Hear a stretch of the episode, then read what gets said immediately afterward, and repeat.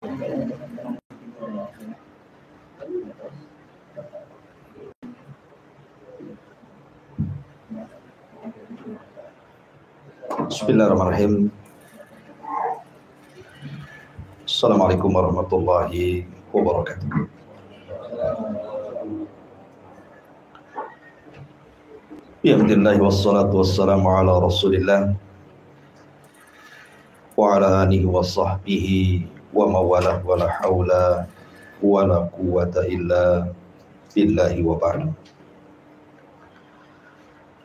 Alhamdulillah di malam hari ini kita melanjutkan kajian kita masih membahas surah Al-Fajr dan kita masuk pada ayat ke-6 dari surah Al-Fajr. A'udzu billahi minasyaitonir rajim. Bismillahirrahmanirrahim. Alam tara kaifa fa'ala rabbuka bi'adin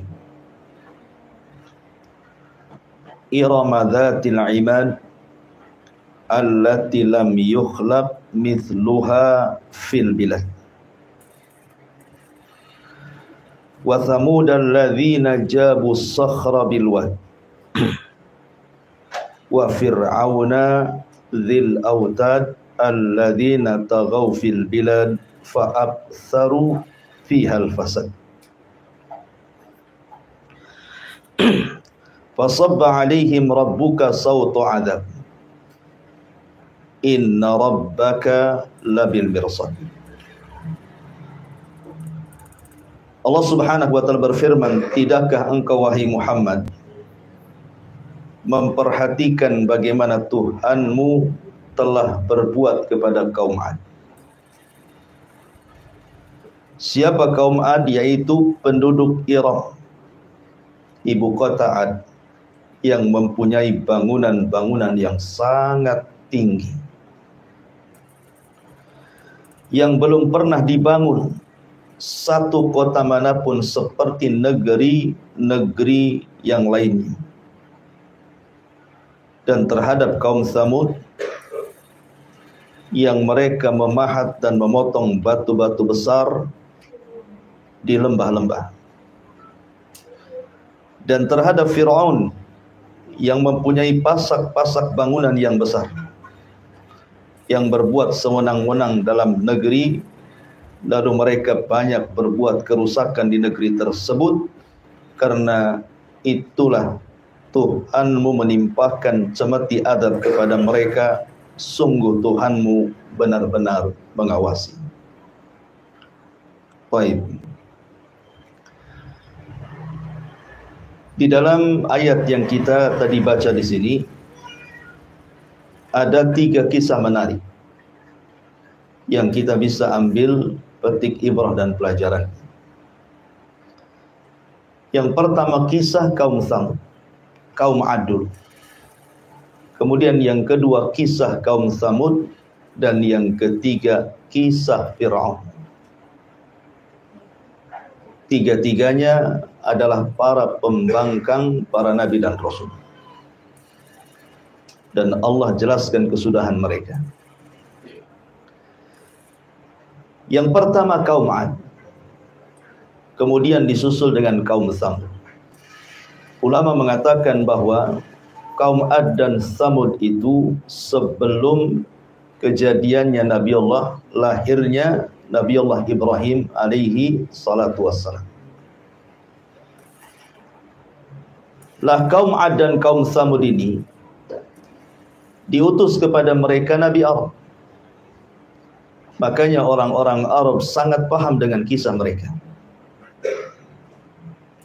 Apabila Nabi sallallahu alaihi wasallam memberikan peringatan kepada orang-orang musyrik Quraisy Maka Nabi SAW mengingatkan soal dua kaum ini.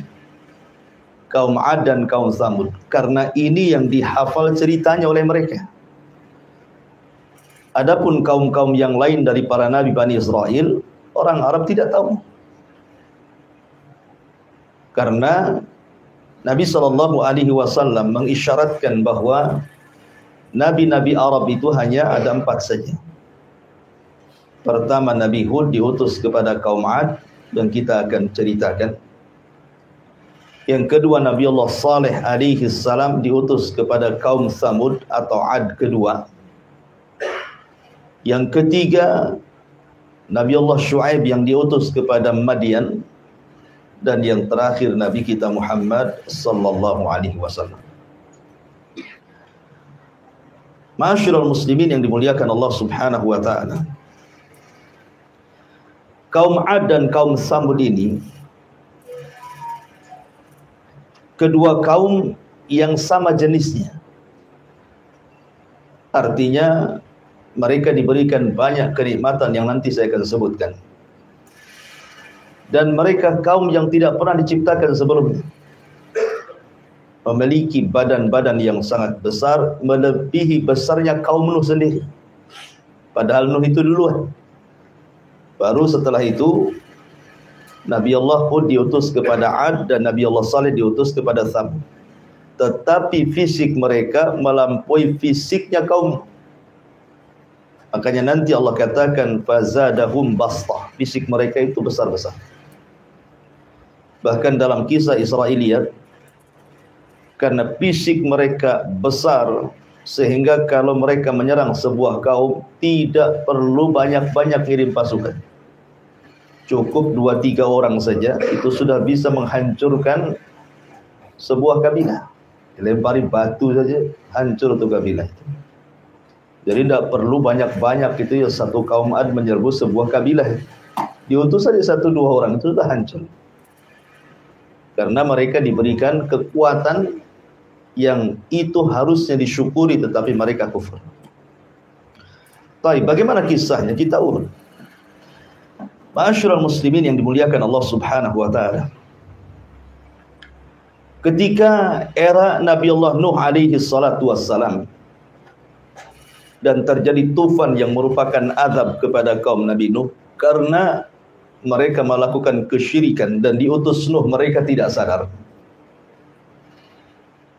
dan mereka menyembah berhala-berhala yang ma'ruf menurut orang-orang Arab. Allah mengatakan la tadarunna waddan wala suwa'an wala yaghutha wa yahuqa wa nasra.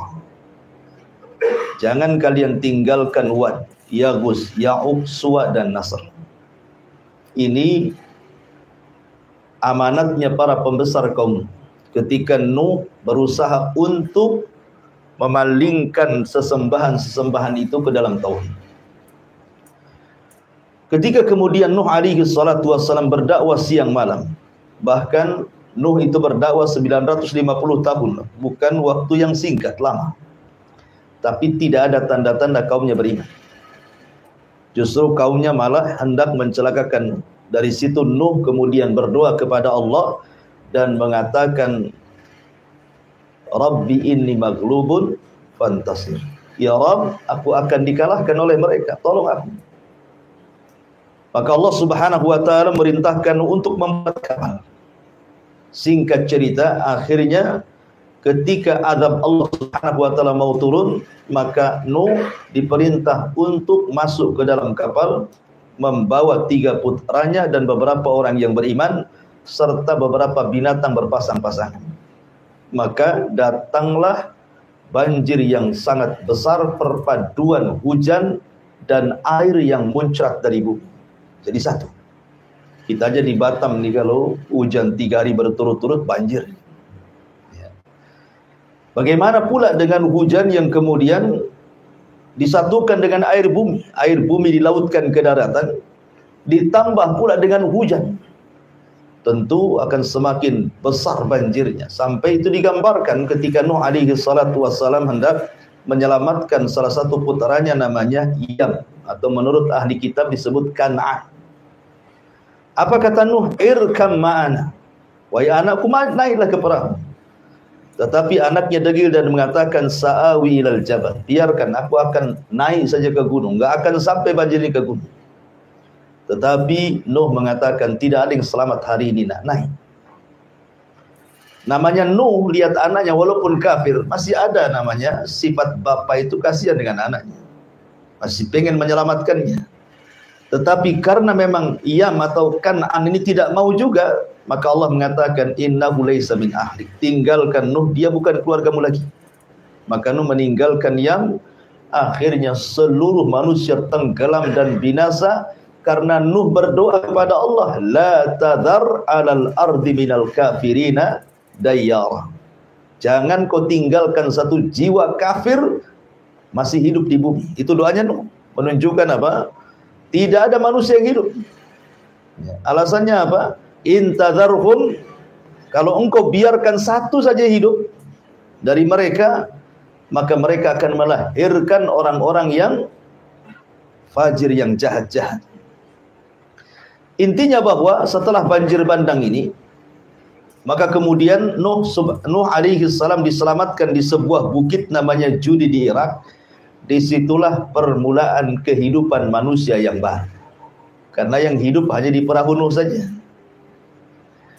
Lah Nuh alaihi salatu wassalam itu ma'ruf memiliki tiga anak yang masih hidup dan satu mati. Yang satu kafir ya. Yang tiga namanya Syam dan itu Abul Arab seluruh orang-orang Arab turunan Syam. Ya. Kemudian ada Ham dan itu bapaknya orang-orang Romawi dan orang-orang yang berkulit hitam. Kemudian ada Yafis. Salah satunya keturunannya orang-orang Asia. Lah kata para ulama bahwa tidak ada manusia setelah tragedi banjir Nuh itu kecuali turunan tiga putranya Syam, Ham dan Yafis. Karena Allah yang mengatakan waja'alna min dzurriyyatihi humul baqin dan kami jadikan yang tersisa manusia itu hanya dari turunan Nuh. Ya, dari tiga putranya itu. Dari sini kata para ulama sejarah, Nuh itu disebut Abul Bashari Athani, bapak manusia kedua setelah Adam. Karena tidak ada manusia di kolong langit yang hidup di zaman sekarang kecuali nasabnya pasti sampai kepada tiga putra Nuh ini. Kalau tidak Syam, ya Ham kalau tidak Ham ya Yafis dan tiga-tiganya putra Nuh alaihi salatu wassalam. Makanya wajar kalau Nuh dikatakan bapak manusia kedua. Lah ketika anak-anaknya Nuh ini sudah mulai menyebar ke beberapa tempat. Dan mereka masih mentauhidkan Allah Subhanahu wa taala dan mereka masih melihat bagaimana sisa-sisa kehancuran kaum Nuh alaihi salam sehingga mereka masih takut dan masih mentauhidkan Allah Subhanahu wa taala. Tetapi berlalunya zaman, berlalunya waktu, akhirnya iblis datang kepada kaum yang mentauhidkan Allah dari turunan Nuh, mulailah kemudian mereka kembali menjadi penyembah berhala. Dan yang pertama kali menyembah berhala adalah kaum Ad dari turunan Nuh alaihi salatu wassalam. Kaum Ad inilah kaum yang pertama kali menyembah berhala. Menurut Ibnu Ishaq, seorang pakar sejarah, bahwa kaum Ad itu menyembah tiga berhala.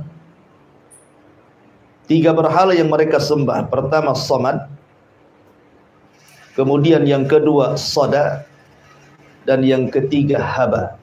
Ya, ada yang mengatakan Somud atau Somad, kemudian Soda dan juga Haba. Itulah tiga berhala yang disembah oleh kaum Ad. Masyurul muslimin yang dimuliakan Allah Azza wa sebagai gambaran bahwa kaum Ad dan Samud itu ada kemiripan. Allah berikan tujuh nikmat kepada mereka. Seringkas saja.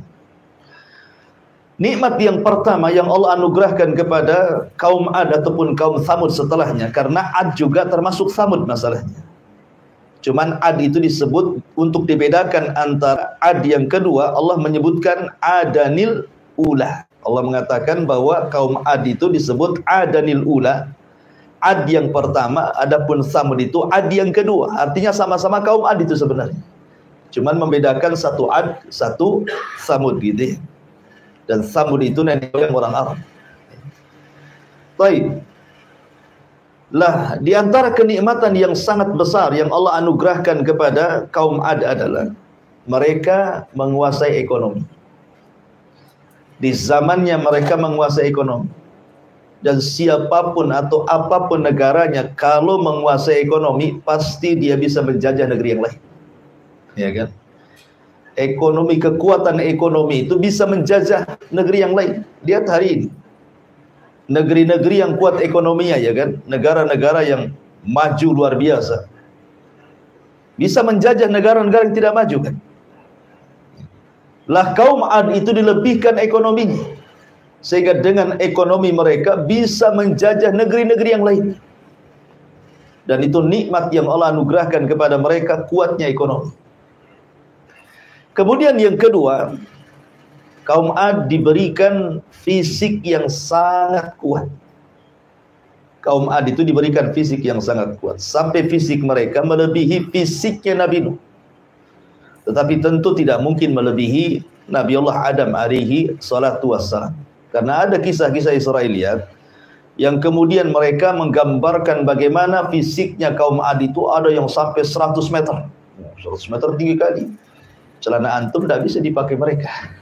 Apalagi baju nggak mau. Apalagi celana dalam. Kan itu ya. Artinya bahwa sampai mengatakan 100 meter. Ini mustahil. Nah, kisah ini tentu bertentangan dengan hadis Nabi Shallallahu Alaihi Wasallam bahwa fisik yang paling tinggi, yang paling kuat, yang paling kekar, yang paling tampan hanyalah fisiknya Adam alaihi salam. Makanya ketika Rasul berjumpa dengan Nabi Yusuf saat peristiwa Isra Miraj, apa kata Rasul? Aku melihat Nabi Yusuf mendapatkan separuh ketampanan Adam. Separuh saja sudah memfitnah banyak wanita. Berarti Adam itu jauh lebih tampan dibandingkan Nabi Yusuf kan itu. Kan separuhnya saja. Jadi kalau Nabi Adam hidup di zaman sekarang mungkin semua wanita akan memandang Adam. Kalau Yusuf saja satu Mesir terfitnah, bagaimana pula Adam alaihi salatu wassalam. Dan ini mematahkan teori Darwin yang mengatakan manusia berasal dari kera kan itu ya. Kera cakep atau tidak cakep? Mana ada kera cakep?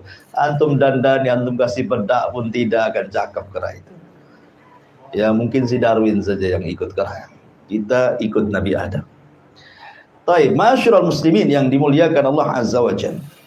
Jadi nikmat yang kedua mereka diberikan fisik yang kuat kemudian tinggi. Yang tadi saya kisahkan kalau menghancurkan sebuah kabilah tidak perlu bawa pasukan, cukup dikirim dua tiga orang saja sudah cukup gitu ya dilempari batu saja sudah mati semua satu kabilah itu. Karena di zaman Ad itu hanya Ad yang punya fisik seperti itu. Jadi kaum-kaum yang sezamannya itu ya kecil-kecil gitu ya, di bawahnya kaum Ad. Makanya kaum Ad itu menguasai ya karena fisiknya yang besar itu nikmat harusnya. Mereka syukuri kan. Kita aja kalau masuk tentara kalau pendek nggak keterima kan gitu ya. Masuk tentara, masuk polisi itu diukur juga tuh tingginya tuh. Sehingga tinggi badan juga nikmat seharusnya. Ini yang kedua. Yang ketiga, Allah Subhanahu wa taala anugerahkan mereka memiliki strategis perang yang luar biasa. Dan mereka tidak pernah dikalahkan. Dan Allah mengatakan wa idza batashtum batashtum jabbari. Ini biasanya untuk jimat. Karena dulu pernah baca kitab Mujarabat tuh. Kalau hendak nonjok orang tuh, Ah, baca katanya ayat ini. Wa idza batashtum batashtum jabbarin. Apabila mereka hendak menyerang, mereka tidak punya belas kasihan. Ya. Jadi kaum Ad itu punya strategi perang. Kalau nyerang itu tidak pernah kalah itu. Dan mereka kaum yang sangat bengis sekali. Sehingga tidak ada satupun kabilah di zaman itu.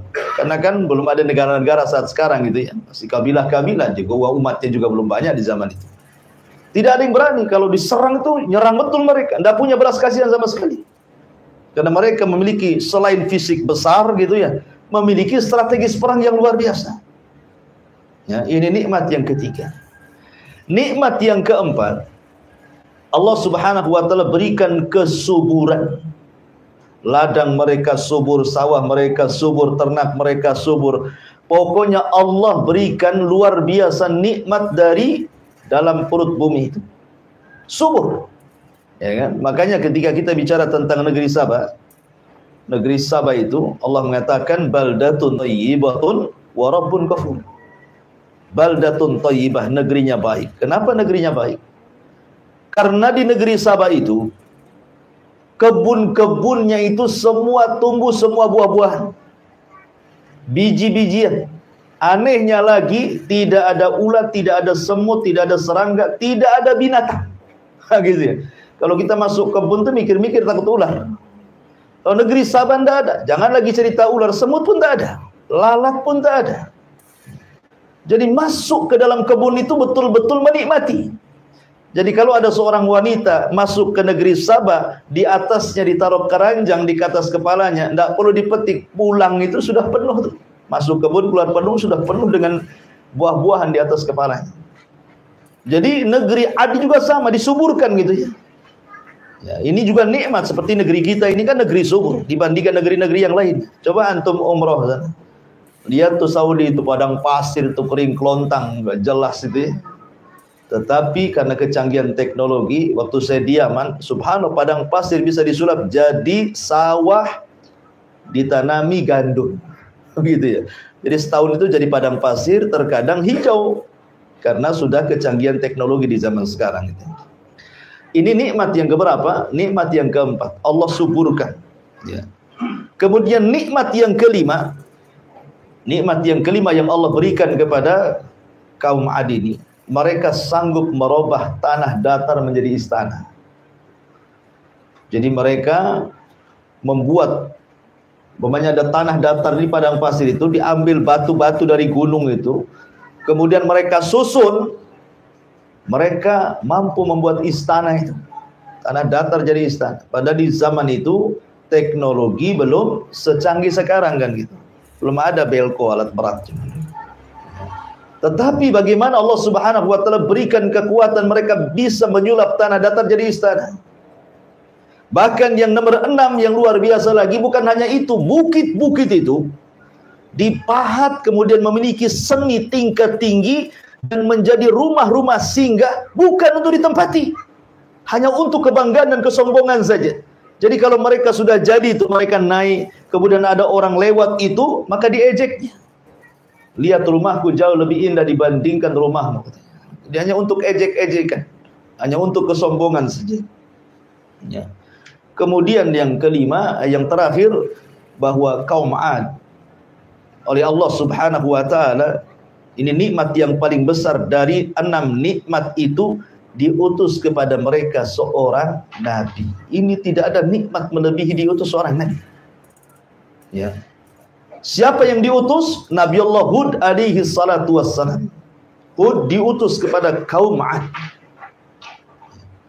Masyurul muslimin yang dimuliakan Allah Subhanahu wa taala sedikit saya akan bacakan beberapa ayat Al-Quran tentang kisah kaum Adin. Di dalam surah Al-A'raf ayat 69. Surah Al-A'raf ayat 69.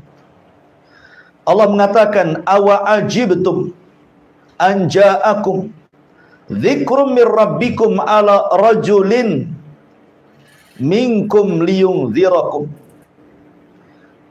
dan herankah kalian bahwa ada peringatan yang datang dari Tuhan kalian melalui seorang laki-laki dari kalangan kalian sendiri untuk memberikan peringatan kepada kalian. Jadi Allah Subhanahu wa taala utus Hud kepada mereka. Kenapa kalian heran? Makanya dalam ayat yang lain Allah mengatakan wa ila adin akhahum hudan dan kepada kaum Ad Allah utus saudara mereka. Siapa Nabi Allah? Kenapa Allah bahasakan saudara? Karena Hud alaihi salatu wassalam itu hidup di tengah-tengah mereka. Jadi kaum Ad itu tahu siapa Hud. Mulai dari oroknya sampai kemudian besarnya sampai dewasanya sampai diangkatnya jadi nabi mereka tahu. Dan Allah sudah persiapkan gitu ya.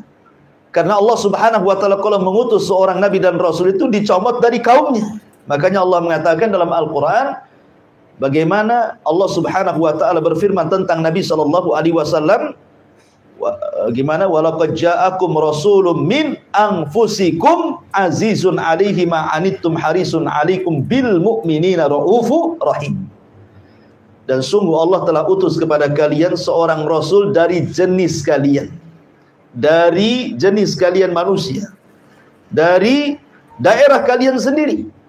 Ya. Jadi mereka sudah paham siapa Hud itu sebenarnya. Kemudian fitrah dakwah seorang nabi itu pasti mendakwakan tauhid. Yang pertama didakwahkan adalah dakwah tauhid. Tapi sebelumnya Hud alaihi salatu wassalam berusaha untuk mengingatkan nikmat. Pentingnya kita diingatkan nikmat ikhwan supaya jangan kufur. Ya. Makanya kemudian Allah mengatakan wadhkuru ij'alakum khulafa min ba'di nuhin wa zadakum fil khalqi bastah fadhkuru ala Allah la'allakum tuflihun kata Hud kepada kaum Ad ingatlah ketika dia menjadikan kalian sebagai pengganti-pengganti kaum Nuh kalian ini pewaris kaum Nuh ya. kemudian dan Allah Subhanahu wa taala telah lebihkan kalian dalam kekuatan tubuh dan perawakan kalian. Maka ingatlah akan nikmat-nikmat yang Allah anugerahkan kepada kalian supaya kalian beruntung. Jadi kaum Hud ini diingatkan oleh Nabi Allah supaya jangan lupa nikmat. Allah sudah berikan ekonomi yang baik, Allah sudah berikan tanah yang subur, Allah sudah berikan fisik yang kuat. Kalian bisa ditakuti oleh bangsa-bangsa yang lainnya maka syukurnya cuma satu tauhidkan Allah. Tinggalkan haba tinggalkan somut tinggalkan soda. Patung-patung kali itu enggak ada gunanya gitu. Karena itu bentuk kekufuran nikmat. Jadi Hud mengajak mereka kepada tauhid ani'budullaha wattaqu sembahlah Allah dan bertakwalah kepada Allah azza wajalla dan begitulah dakwah para nabi dimulai dari tauhid. Bendera dakwah para nabi itu dimulai dari tauhid. Dan itu Allah Subhanahu wa taala katakan walaqad ba'atsna fi kulli ummatir rasulan an i'budullaha wajtanibu taghut dan sungguh kami utus pada tiap-tiap umat seorang rasul utusan tugas mereka hanyalah meneriakkan sembahlah Allah tauhidkan Allah jauhi sesembahan selain Allah alias taghut ya. kemudian Allah Subhanahu wa taala ingatkan lagi dari lisan Yahud kepada kaum Ad itu. Atabnuna bi kulli ri'in ayatan ta'basun wa tattakhiduna masani'a la'allakum takhludun. Apakah kalian mendirikan pada tiap-tiap tanah yang tinggi tempat-tempat bangunan-bangunan yang berfungsi sebagai tanda-tanda bagi orang-orang yang lewat untuk bermain-main? Kemudian di tempat-tempat tersebut kalian mengambil hanya untuk olok-olokan orang yang melewat dan kalian membuat benteng-benteng yakni penampungan-penampungan air di bawah tanah maksudnya seolah-olah kalian merasa akan dikekalkan selamanya. Jadi keyakinan orang apa kaum Ad juga mereka sama sekali tidak yakin tentang kehidupan akhirat. Mereka merasa mereka itu akan hidup selamanya begitu. Makanya mereka membuat tampungan-tampungan di bawah rumah itu air-air seolah-olah mereka tidak akan mati. Bahkan celakanya mereka memiliki pemahaman dahriyah. Kalaupun mereka itu mati, yang menjadikan mati itu hanya waktu yang berjalan saja. Kami hidup dan mati itu hanya waktu saja. Nah, ini, ini kan pemahaman orang ateis. Jadi orang ateis sudah ada sejak zaman dulu. Ya, yang enggak mengakui ketuhanan itu ya. Yang menganggap bahwa kita mati dan hidup itu hanya berjalannya waktu saja. Itulah keyakinan taraf, keyakinan kaum Ad dan mereka berusaha untuk mengejek siapa? Nabi Allah Hud alaihi salatu wassalam. Dan umumnya ikhwan, para nabi itu bukan ditentang orang-orang lemah tidak. Umumnya para nabi itu ditentang orang-orang kuat. Para pejabat, orang-orang kaya, para pemimpin itu yang menentang para nabi sebenarnya. Padahal tidaklah Nabi diutus kepada sebuah umat untuk berpolitik. Nabi itu bukan untuk berpolitik diutus, bukan untuk merebut kekuasaan, tidak. Ya.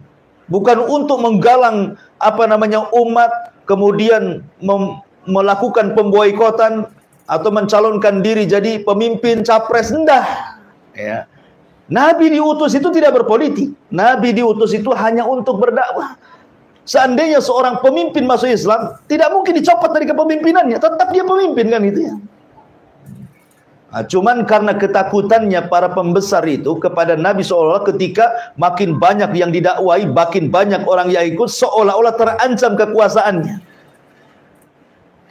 Masyurul muslimin dan itu akan terjadi pada setiap negara dan bangsa-bangsa. Ya, kalau ada seorang dai kemudian ada banyak pengikutnya, ah, itu penguasa takut biasanya. Kan itu. Atau dimanfaatkan untuk untuk kampanye didekatilah ustad-ustad, kiai-kiai, masjid-masjid gitu ya.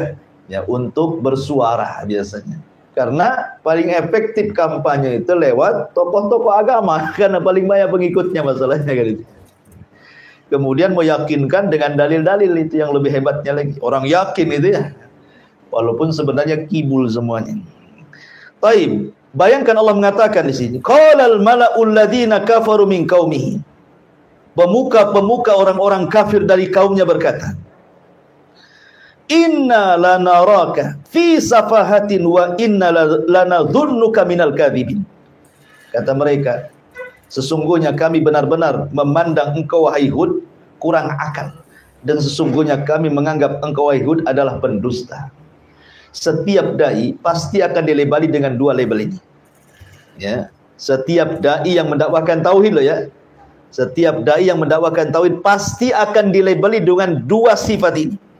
Pertama dikatakan kurang akal, yang kedua pendusta. Coba saja kalau antum berdakwah tauhid, antum buatlah channel di YouTube gitu kan. Antum berantas kesyirikan. Antum berantaslah itu penyimpangan terhadap sunnah-sunnah Nabi SAW. Oh besoknya sudah ada itu yang nyaut, itu yang jawab. Kan gitu ya.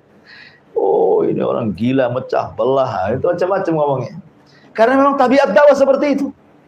Nabi lo dikatakan pendusta, tukang seher, tukang tenun, macam-macam Rasul itu. Maka Nabi Hud pun kurang lebih saja. Ketika Hud alaihi salatu wasallam mengatakan ya qaumi ibudullaha ma lakum min ilahin ghairu afala tattaqun. Wahai kaumku, sembahlah Allah tidak ada sesembahan selain daripada Allah Subhanahu wa taala. Tidakkah kau bertakwa? Maka mereka mengatakan, "Wahai Hud, kau ini orang gila, ngapain kau berdakwah? Kau ini pendusta." Maka Hud mengatakan dengan lembut, ingat, ini juga salah satu tariqah dakwah gitu ya. Para nabi itu diceritakan dalam Al-Qur'an untuk diambil pelajarannya. Ketika kaum Hud itu berusaha dengan sangat keras kasar gitu ya, menuduh macam-macam kepada Hud tetapi Nabi Allah Hud menganggap dan membalas dengan kelembutan. Katakan kepada Nabi sallallahu alaihi wasallam wa in kunta faddan ghalidal qalbi lan faddu min hauli. Kalau engkau keras kepala wahai Muhammad kau kasar kepada kaummu maka mereka akan lari dari kamu. Makanya kelembutan itu asas dakwah. Apa kata Hud Ya qaumi laisa bisafahatun walakinni rasulun min rabbil alamin. Aku tidak gila. Aku waras. Akan tetapi Allah mengutusku menjadi nabi kalian. Menjadi rasul kalian yang membawa amanah dari Allah Subhanahu wa taala. Uballigukum risalati rabbi wa ana lakum nasihun amin. Akulah menyampaikan amanat Tuhanku kepada kalian saja dan saya adalah penasehat yang amanah yang Allah tunjuk untuk mendakwai kalian. Ma'asyiral muslimin yang dimuliakan Allah Subhanahu wa taala. Intinya bahwa Hud alaihi salam terus mendakwai kaumnya dan para pembesar tetapi Allah Subhanahu wa taala takdirkan memang kaum itu mendustakan para nabinya. Makanya Allah mengatakan kadzabat adanil mursalin. Kadzabat adun al mursalin. Telah mendustakan kaum Ad para rasul. Ya. Makanya ketika kemudian mereka mungkin sudah capek gitu ya. Mungkin bahasa kitanya sudah bosan dengan uh, ucapan-ucapan Hud ini. Kemudian mereka mengatakan ya Hud, majitana bibayyitani bibayyinatin wa ma nahnu bitariki alihatina an kaulika wa ma nahnu laka bimu'minin.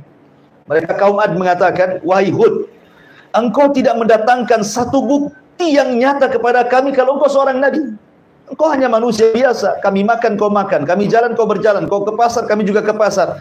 Untuk apa kami ikuti orang yang sama dengan kami gitu maksudnya. Mereka mengatakan kaum kaum Adi ini wahai Hud, engkau ini tidak ada bukti kalau kau seorang nabi. Dan kami tidak akan meninggalkan atau tidak pernah meninggalkan Tuhan-Tuhan kami gara-gara ucapanmu. Dan kami selamanya tidak akan beriman. Nah, kata kuncinya langsung mereka keluarkan. Tidak akan beriman. Kemudian mereka mengatakan, Inna kul, inna kulu illa taraka ba'du alihata nabisu. Kami hanya mengatakan bahawa sebagian sembahan kami telah menimpakan penyakit gila kepada kalian. Boleh jadi engkau itu wahai Hud, kewalat dengan sesembahan kami katanya. Makanya sekarang kau jadi gila katanya, gitu maksudnya ya. ya.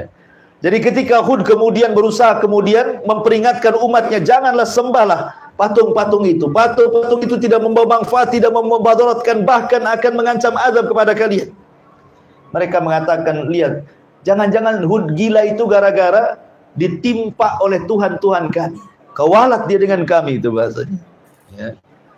Maka kemudian uh, mereka mengatakan lain ata'tum basyaram mislukum lain ata'tum basyaram mislakum innakum idzan la khasirun.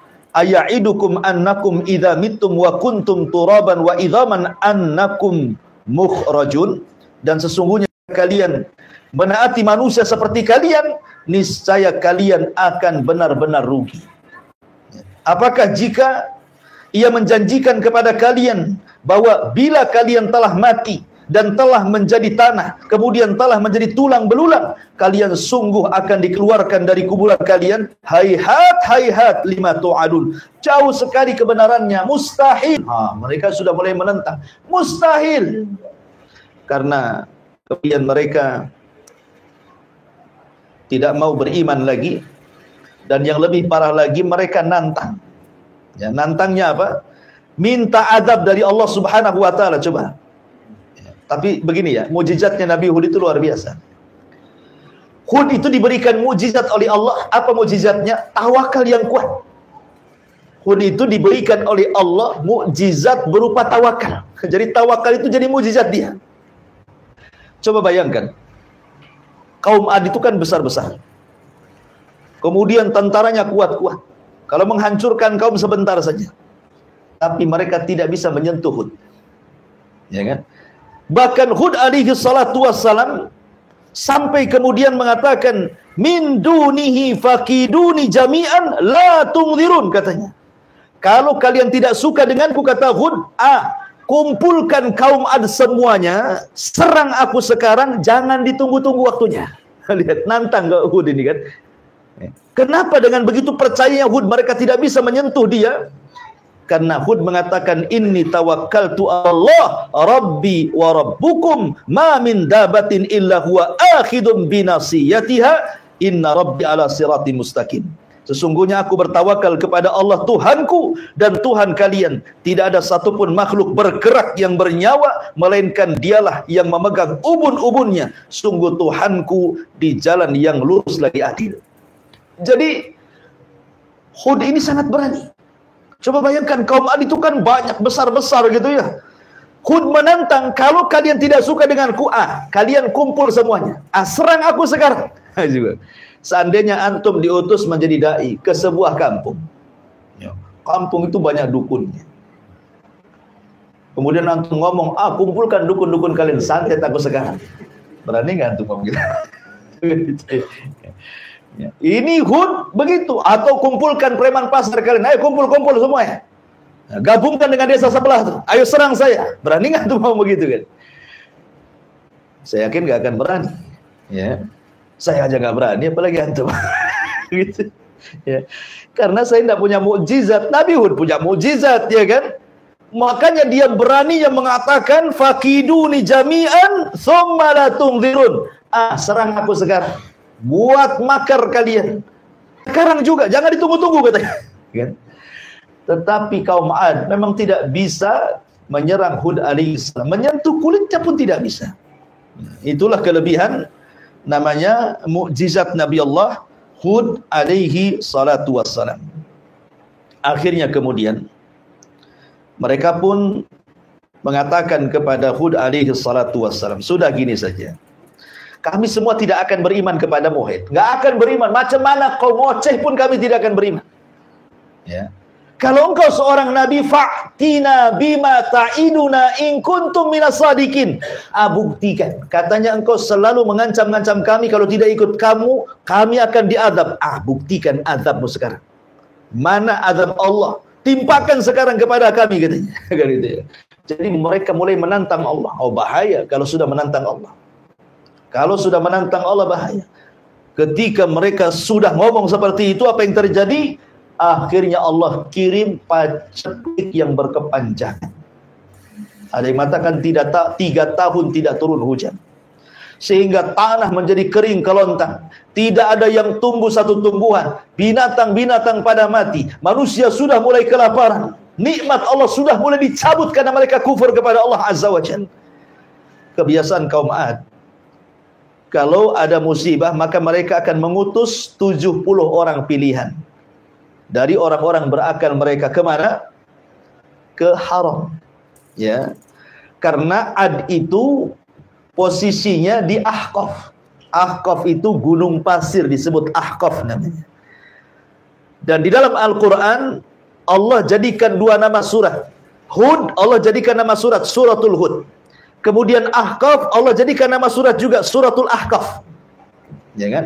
Jadi dua-duanya jadi nama surat tuh. Kalau Ahqaf itu artinya gunung pasir, letaknya antara Hadraul Maut dan Oman. Tengah-tengahnya itu Ahqaf. Di situlah kaum Ad tinggal. Artinya kan masih dekat dengan haram Yaman, ya kan Yaman ke Mekah kan dekat. Jadi mereka ini orang-orang pilihan ini berangkatlah dari Ahqaf ini menuju haram tanah haram, menuju Ka'bah. Ya. Menuju tanah suci gitu.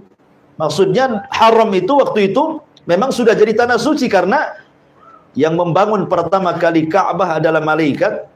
Kemudian setelah itu Adam alaihi salatu wasalam kemudian hilang baru kemudian diperbaharui oleh Ibrahim alaihi salatu wasalam. Jadi orang-orang tujuh orang pilihan ini ke haram berdoa. Ya. Cuman masalahnya sampai di haram mabok pula mereka berzina mereka, disuruh sama kaumnya, suruh berdoa sampai di haram malah mabuk. Coba bayangkan. Bejatnya orang-orang adi. Akhirnya diingatkan sesama mereka lah, kita akan diutus untuk berdoa di sini. Kenapa kita mabuk berzina pula di sini? Akhirnya mereka sadar.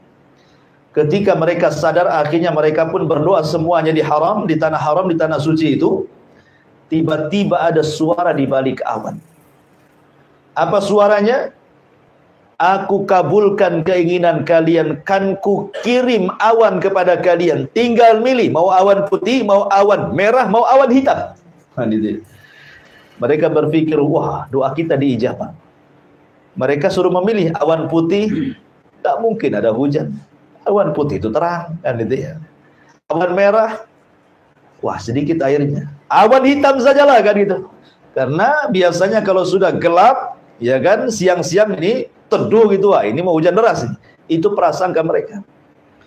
Makanya kemudian mereka pun pulang dengan bahagia karena mereka sudah dapat ilham pulanglah mereka ke negeri Ahqaf pulang kampung dan memberitahu kampungnya bahwa doa mereka sudah diijabah.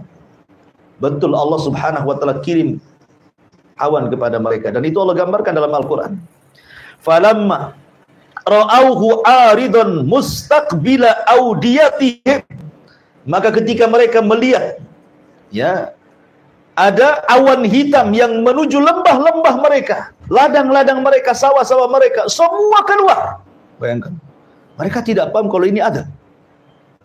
Jadi seluruh kaum Ad keluar dari rumah-rumah mereka dari anak kecil, orang dewasa, laki-laki, perempuan, tua, muda, semua keluar. Ingin merasakan hujan yang sudah tidak tiga tahun tidak hujan-hujan. Mereka bernaung di awan itu. Apa yang terjadi? Qalu mereka mengatakan hadza aridun mumtiruna. Mereka mengatakanlah awan yang akan menurunkan hujan kepada kami. Dengan bangganya mereka bernyanyi-nyanyi, berteriak-teriak dengan penuh kebahagiaan. Inilah awan yang akan menurunkan hujan kepada kami. Maka Allah mengatakan bal huwa masta'jaltum bi rihun fiha adzabun alim. Maka Allah katakan bahkan ini azab yang akan yang kalian minta disegerakan datangnya yaitu angin yang mengandung azab yang sangat pedih bagi kalian. Rupanya awan hitam itu permulaan azab Allah. Mereka tidak paham. Ya.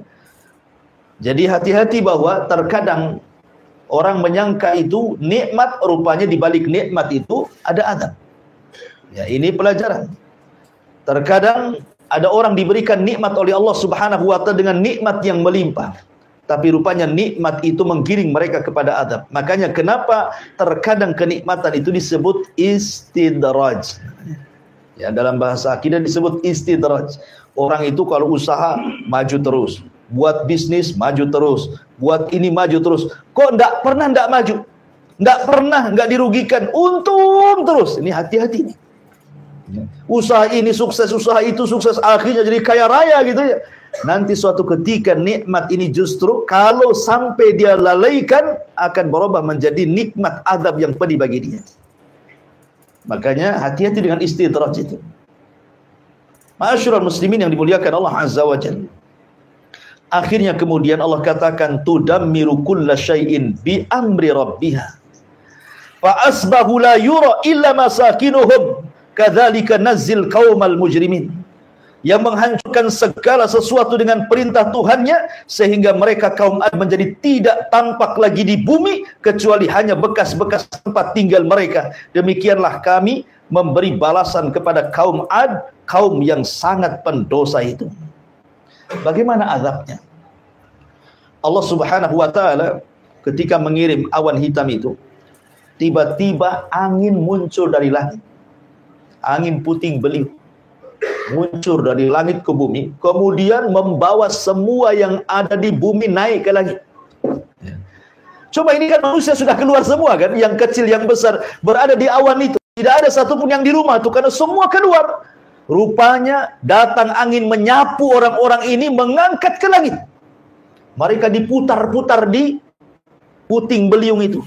Sampai-sampai Allah Subhanahu wa taala mengatakan sakharaha alaihim sab'a layalin wa thamaniyata ayyam husuman fataral qauma fiha sar'a ka'annahum a'jazun nakhlin khawiyah. Allah menimpakan angin itu kepada mereka selama tujuh malam delapan hari terus menerus tidak berhenti maka kami melihat kaum Ad pada waktu itu mati bergelimpangan seperti batang-batang pohon kurma yang telah kosong dan laku. Artinya ketika anginnya selesai, badan-badan mereka jatuh ke bumi, mereka nancap seperti tunggul-tunggul kurma. Lihat bagaimana Allah Subhanahu wa taala adab kaum Ad seperti itu. Adapun Nabi Allah Hud sebelum adab ini datang dia sudah pergi duluan. Bersama siapa? Bersama kaumnya yang beriman yang tidak banyak itu menuju mana? Menuju Hijr. Ya. Hijr itu di mana? Makanya ada suratul Hijr. Dalam Quran itu ada suratul Hijr kan? Ya. Hijr itu tengah-tengah antara Hijaz. Hijaz itu Mekah dan Madinah. Ya. Dan Syam, tengah-tengahnya itu Hijr. Ada yang mengatakan Yordania dan Hijaz, tengah-tengahnya itu Hijr. Di situlah kemudian Nabi Allah Hud alaihi salatu wassalam meninggal dunia. Kemudian kaumnya terus mentauhidkan Allah Azza wa Jal dan mereka masih terngiang-ngiang dengan azab kaum Ad. Tetapi berlalunya waktu kembali mereka kufur. Yang disebut dengan kaum Samud. Ya. Jadi setelah kehancuran kaum Ad itu, mereka masih mentauhidkan Allah Azza wa Jalla. Tapi berlalunya waktu, berlalunya zaman, akhirnya kemudian terjadi kesyirikan lagi setelahnya dan yang pertama kali melakukan kesyirikanlah kaum Samud masih turunannya Ad. Kan gitu ya. Mereka yang kemudian kufur pertama kali setelah kaum kaum Ad.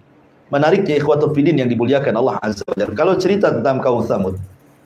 Karena di sini juga Allah mengatakan wa Samud alladzina jabu sahra bilwad. Sebenarnya nikmat yang tujuh tadi yang Allah berikan kepada kaum Ad, Allah berikan juga kepada kaum Samud. Tidak perlu saya ulang. Ya. Tapi yang menariknya adalah kaum Samud ini. Kaum Samud ini Allah berikan seekor unta.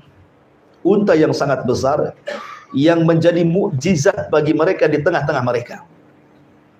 Unta itu cukup bisa diminum air susunya oleh banyak kabilah kaum Samud. Berarti menunjukkan unta itu besar, bukan unta kecil kan itu. Karena beberapa kabilah bisa minum dalam satu hari dari susunya air unta itu. Ini nikmat yang luar biasa. Tinggal diambil saja susunya, selesai. Ya. Tetapi anehnya juga turunnya azab Allah Subhanahu wa taala kepada kaum Samud gara-gara unta juga. Ketika mereka menyembelih untanya Nabi Allah Saleh sebagai mukjizat turun azab kepada mereka. Jadi unta yang membawakan nikmat, unta pula yang mendatangkan azab. Bagaimana kisahnya? Masyurul muslimin yang dimuliakan Allah subhanahu wa ta'ala. Kaum Thamud. Kalau kaum Ad. Allah subhanahu wa ta'ala juga banyak menyebutkan dalam Al-Quran. Bahkan Nabi Allah tujuh kali diulang di dalam Al-Quranul Karim. Lah kaum Thamud ini masih keturunan kaum Ad. Maka disebut Ad yang kedua. Kalau kaum Ad yang pertama disebut Adanil Ula. Ini Ad Athani. Ya. Dan dua-duanya bangsa Arab. Ingat bahwa Arab itu terbagi menjadi tiga. Ada yang disebut dengan al-arabu al-baidah. Ada yang disebut dengan al-arabu al-baqiyah. Ada yang disebut dengan al-arabu al-musta'rab namanya. Al-arabul baidah ini Arab yang sudah punah. Kaum Ad, kaum Samud sudah punah. Tidak ada lagi turunannya. Ya, hanya tinggal ceritanya. Kemudian yang kedua al-arabul baqiyah. Arab yang masih ada ya dan itu salah satunya keturunan Qahtan seperti Imam Malik rahimahullahu taala itu keturunan Qahtan kemudian yang ketiga ada namanya al-arabu al-musta'rab. Bukan orang Arab tapi pasti berbahasa Arab akhirnya di dikatakan orang Arab. Karena kefasihan bahasa Arab. Dari sini ada kaidah walaupun ada orang Arab di negeri kita mancung tidak diragukan lagi wajahnya wajah Arab tapi tidak bisa bahasa Arab, malah medok bahasa Jawa, maka dia bukan Arab. Tapi kalaupun ada di negeri kita pesek belesek, tidak ada muka-muka Arab sedikit pun, tapi cepetang dia bahasa Arabnya luar biasa, gitu ya. Melebihi orang Arab, maka dia Arab. Ini kaidah.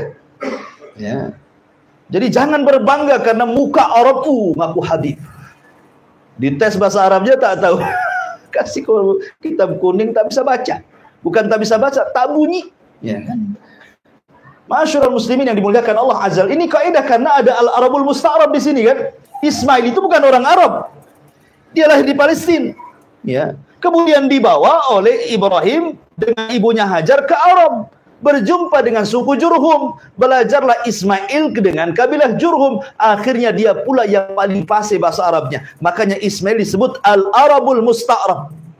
Dia bukan Arab tapi jadi Arab karena kefasihan bahasa Arab. Ya, maka nggak apa-apa antum tampang tak ada Arabnya, tapi bahasa Arabnya luar biasa, Arab antum. Eh, gitu ya. Antum mancung walaupun kayak Petruk gitu ya tapi tak bunyi Arab, bukan Arab Indonesia antum. gitu ya. Jadi itu kaidah seperti itu. Antum harus pahami. Baik. Lah, kaum Samud ini sama dengan kaum. Ini Arabul Al-Baidah. Ini kisahnya sudah nggak ada turunannya, tetapi kan dikisahkan. Karena Rasulullah SAW konteks ayat ini ingin mengingatkan orang-orang Quraisy, jangan kufur kalian. Kalau kalian kufur, nanti kalian diadab seperti kaum Ad dan Samud, gitu maksudnya. Ya. Makanya ketika Al-Walid ibn Mughirah datang kepada Nabi sallallahu alaihi wasallam, kononnya mau tawar-menawar dan mengatakan ya Muhammad, sudahlah. Tidak usahlah kau lanjutkan dakwah. Kau ini pengen apa? Kalau kau ingin harta kami kumpulkan harta kami. Kami jadikan kau orang paling kaya di antara kami. Kalau kau ingin raja, kami jadikan kau raja kami. Kalau kau ingin perempuan yang cantik, kami carikan. Kalau kau gila, kami carikan do tobibnya, dokternya. Tapi tolonglah. Ya, sudah sampai di sini. Kata Nabi SAW, ya Walid, sudah kau ngomong. Sekarang gantian. Maka Nabi SAW tidak membantah soal tawaran-tawaran tadi.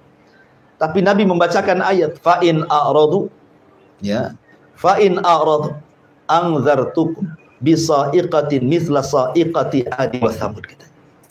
Kalau mereka orang-orang Quraisy itu berpaling dari dakwahku ingat mereka akan disambar halilintar seperti halilintar yang pernah membinasakan kaum Ad dan Samud. Ketakutan itu al Karena tahu kisah mereka di benak-benak mereka kan. Dan mereka meyakini ini seorang nabi sebenarnya. Cuman karena hasad dan takaburnya saja mau beriman. Akhirnya mengatakan hasbuka hasbuka yang cukup cukup yang jangan diteruskan itu. Ketakutan dia. Akhirnya dia pulang menemui orang Quraisy, kata pembesar Quraisy, kata Abu Jal, gimana hasilnya? Nampaknya kau pergi beda pula mukamu kau kembali katanya. Jangan-jangan kau sudah beriman. katanya kan itu. Artinya di sini Nabi Shallallahu Alaihi Wasallam mengingatkan tentang kaum Ad dan Samud kan. Artinya di otak-otak orang Arab itu sangat paham kisah-kisah ini. Makanya Rasulullah SAW tidak mengkisahkan Nabi-Nabi Bani Israel. Karena mereka tidak ada pengetahuan tentang itu. Makanya Rasul mengkisahkan tentang dua kaum yang mereka paham. Diutus kepada mereka Nabi dan Rasul, mereka membangkang, turun adab. Apakah kalian mau seperti itu? Nah, gitu maksudnya. Masyurul muslimin yang dimuliakan Allah Azza kembali bahwa sebagaimana Nabi Allah Saleh dan juga Nabi Allah Hud dan seluruh para nabi mendakwai mereka ke dalam tauhid. Kaum Samud pun menentang Nabi Saleh. Tidak perlu saya ceritakan panjang-panjang karena uh, kita ambil singkat-singkatnya saja. Akhirnya mereka pun mengatakan, Ya Saleh, kalau engkau seorang Nabi, kami tidak melihat ada bukti dari kamu. Ya. Bukankah seorang Nabi harus bawa mujizat? Kata Nabi Saleh, mau kalian apa? Mereka mengatakan, kalau engkau seorang Nabi, keluarkan dari batu ini unta. Tetapi bukan hanya sekedar unta. Unta usyara. Usyara itu yang sedang hamil 9 bulan. Jadi kalau keluar langsung hamil, langsung lahir gitu maksudnya. Itu namanya unta usyara. Ya. Akhirnya kemudian uh, usyara itu 10 bulan ya. Dari kalimat isy uh, asyara, usyara. Jadi unta yang hamil 10 bulan kalau keluar dari batu langsung melahirkan. Uh, permintaannya aneh gitu. Akhirnya kemudian Nabi Soleh berdoa, meminta izin untuk melaksanakan dua rakaat solat, kemudian berdoa kepada Allah Azza wa Jal, dan Allah kabulkan permintaannya, tiba-tiba batu berbelah, kemudian keluar unta tadi. Kemudian Nabi Soleh membuat aturan. Ya. Ini unta adalah berkah bagi kalian. Makanya nakotullah, ini unta Allah, ingat. Sesuatu yang dinasabkan kepada Allah punya kemuliaan. Baitullah, rumahnya Allah. Nakotullah, untanya Allah. Sesuatu yang nasabkan kepada Allah pasti punya kemuliaan. Nabi Soleh sudah mewanti-wanti. Ini unta mujizat bagi kalian. Tapi tolong bagi waktu. Saat kalian mengambil air, ya, maka kalian jangan ganggu unta. Kalian boleh ambil air. Dan kalian kau boleh mengambil air susunya. Tapi besoknya unta itu yang akan minum, kalian tidak boleh mengambil air. Kalian cukup mengambil air susunya saja. Jangan ganggu dia. Kalau ganggu, kalian akan ditimpa adab. Terus berlalu, berhari, berbulan, bertahun. Mereka mendapatkan nikmat dari unta itu. Dan Nabi Soleh terus mendakwah dengan dakwah tauhid kepada kaum Samud. Sampai pada waktunya ada pula orang hasad. Ya, tidak suka dengan unta itu. Seorang wanita. Ada yang mengatakan dua wanita. Yang satu kaya, yang satu banyak anaknya bekerja sama. Kemudian dikatakan siapa yang bisa menyembelih unta saleh, maka saya akan berikan kekayaan dan dia boleh menikah dengan salah satu putri dari putri-putri kami. Kemudian ada pula yang daftar namanya Kidar Ibn Salib. Kidar Ibn Salib dan satu kawannya lupa saya namanya. Ya. Kidar Ibn Salib ini dan Malik Ibn Kinan atau, atau Sinan, Malik Ibn Sinan atau siapa namanya. Pokoknya dua orang ini siap daftar. Tetapi sebelum dia membunuh unta Nabi Soleh itu, dia gerilya door to door dulu ke rumah-rumah. Minta pendapat. Gimana kalau kayak sambeli Nabi Soleh? Setuju nggak? Setuju. Gimana? Setuju. Setuju. Akhirnya satu kampung setuju. Rupanya kebanyakan mereka tidak suka. Makanya kenapa Allah mengatakan fa'aqoruha. Ya, menggunakan jama. Mereka pun menyembelih unta soleh. Padahal yang menyembelih dua orang tapi bahasanya menggunakan jama karena disepakati satu kampung. Ya. Mereka sepakat cuman eksekutornya cuman si Kidar Ibn Salib dan kawannya ini. Yang betul-betul mengeksekusi untanya Nabi Sallallahu sembelih, kemudian dikuliti dan dimakan dagingnya. Dalam kisah Israel lihat kan dia bawa unta anak untanya itu. Ya anaknya unta Yasruh pergi kemudian masuk lagi ke dalam batu itu. Itu kisah Israel lihat. Dalam Quran atau dalam sunnah itu tidak ada kisah seperti itu. Hanya mukjizatnya Nabi unta itu eh mukjizatnya Nabi Soleh itu adalah seekor unta tanpa disebutkan punya anak gitu, tanpa disebutkan keluar dari batu ndak. Ya. Cuman seekor unta gitu saja. Dari mana unta itu ya pokoknya dari Allah lah kan, namanya unta Allah. Nah, cuman kalau kita lihat Israiliyat lebih jelas gitu kisahnya ya. Oh, unta itu permintaan Bani Israel sama dengan di zaman Nabi SAW kan meminta kepada mujizat kan untuk terbelah bulan jadi dua kan. Maka terbelah bulan jadi dua tuh. Tetapi setelah kejadian mereka menuduh Nabi SAW sebagai tukang sihir katanya. Laqad dhahara sihru Muhammad. Muhammad sudah nampak sihirnya. mereka mujizat malah nuduh sihir ya. Intinya bahwa disembelilah untanya Nabi Allah Saleh alaihi salatu wassalam. Maka sebagaimana yang ma'ruf gitu ya, yang ma'ruf, maka Nabi Saleh ini mengingatkan mereka, jangan disembelih kalau tidak datang adab kepada kalian. Betul-betul disembelih. Ya. Maka datanglah adab kepada mereka. Apa adabnya? Masyurul muslimin yang dimuliakan Allah Azza wa Jalla. Nabi Saleh mengatakan tiga hari akan datang adab kepada kalau kalian tidak bertobat. Rupanya tiga hari ini justru mereka merencanakan pembunuhan bukan hanya mem telah membunuh unta Nabi Soleh pun mau dibunuh dia. Maka di hari pertama wajah mereka tiba-tiba memerah. Hari kedua memutih. Hari ketiga kemudian menghitam. Hari keempat Jibril turun kemudian berteriak sekali teriakan sehingga teriakan Jibril mengeluarkan setiap jiwa yang ada di raga manusia. Ruhnya melesat, semuanya mati. Sampai-sampai mereka tinggal jasad bergelimpangan di rumah-rumah mereka. Ini akibat daripada mereka tidak bersyukur akan nikmat Allah Subhanahu wa taala dan tidak menerima peringatan Nabi Allah Saleh. Makanya Allah mengatakan kadzabat samud bin Nudur. Kaum Samud telah mendustakan para pemberi peringatan. Lah, kok menggunakan jama Nudur? Harusnya nadir. Ya. Kenapa Allah mengatakan kaum Samud telah mendustakan para pemberi peringatan? Kan yang memberi peringatan cuma satu Nabi Soleh.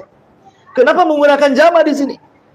Kata ulama tafsir di sini hanya sekedar ingin mengatakan bahwa mendustakan satu nabi maka sama dengan mendustakan banyak nabi. Anda mendustakan satu nabi soleh berarti mendustakan semua nabi sebelumnya. Makanya menggunakan nutur. Ya, pakai sama karena mendustakan satu nabi sama dengan mendustakan nabi-nabi yang lain. Faqalu abasyam minna wahidatan nattabi'uhu inna idzan lafi dhalal wa syu'ur. Mereka mengatakan, apakah kami harus mengikuti satu orang dia manusia sama seperti kami. Kalau begitu kami tersesatlah. Ngapain pula dia manusia, kami juga manusia. Ngapain harus ikut sesama manusia katanya. Ya. Maka teruslah mereka mendustakan seperti itu. Akhirnya sampai kemudian Allah mengatakan inna arsalna alaihim sayhatan wahidatan fakanu kahashimin al-muhtadir kami utus kepada mereka Jibril untuk berteriak satu kali teriakan maka mereka menjadi jasad-jasad yang bergelimpangan di rumah-rumah mereka. Inilah kisah Samud. Kemudian yang terakhir dan di sini Allah Subhanahu wa taala mengatakan menyinggung soal Firaun. Ya. Di sini Allah Subhanahu wa taala mengatakan di dalam surah Al-Fajr di sini tentang Firaun dari mana tadi? Eh, sudah lewat pula. Sur